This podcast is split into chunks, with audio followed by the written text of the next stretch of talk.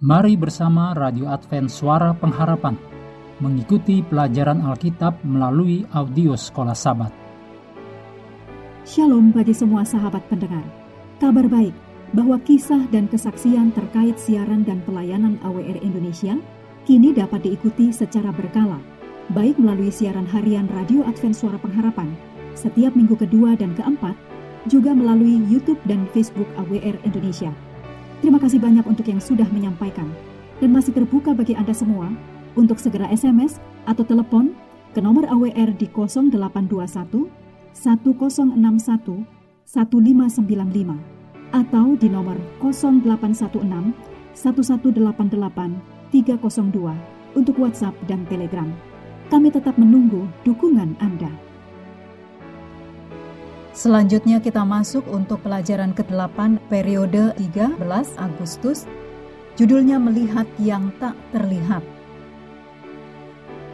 Mari kita mulai dengan doa singkat yang didasarkan dari Yeremia 12 ayat 3. Ya Tuhan, Engkau mengenal aku, Engkau melihat aku, dan Engkau menguji bagaimana hatiku terhadap Engkau. Amin.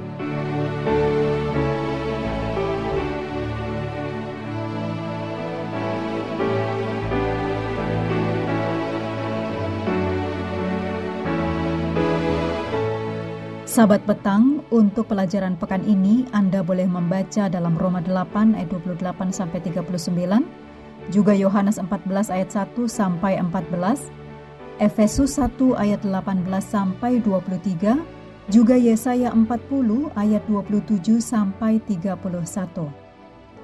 Ayat hafalan sepanjang pekan dari Ibrani 11 ayat 27, New King James Version. Iman ia meninggalkan Mesir, tidak takut akan murka raja, karena ia bertekun seperti melihat dia yang tidak terlihat. Definisi iman dalam kitab Ibrani selalu menantang. Dalam Ibrani 11 ayat 1 dikatakan, iman adalah dasar dari segala sesuatu yang kita harapkan dan bukti dari segala sesuatu yang tidak kita lihat bagaimanakah kita bisa yakin tentang apa yang tidak kita lihat? Namun, inilah tepatnya ilustrasi Musa dalam ayat hafalan kita. Ia bertekun karena ia melihat dia yang tidak kelihatan. Ibrani 11 ayat 27 Bahkan lebih menantang untuk menyadari bahwa kita dipanggil untuk melihat dia yang tidak terlihat tidak hanya ketika saat-saat baik, tetapi terutama ketika semuanya berjalan tidak semestinya. Untuk ini kita membutuhkan iman. Iman seperti Kristus yang harus dibentuk melalui kebenaran tentang Allah dan kerajaan Allah. Kebenaran tentang kebaikan Bapa kita, kuasa dalam nama Yesus, kuasa kebangkitan, dan belas kasihan Allah adalah kebenaran esensial yang akan memungkinkan kita untuk berdiri teguh ketika kita berada di dalam cawan lebur dan mungkin tergoda untuk meragukan segalanya.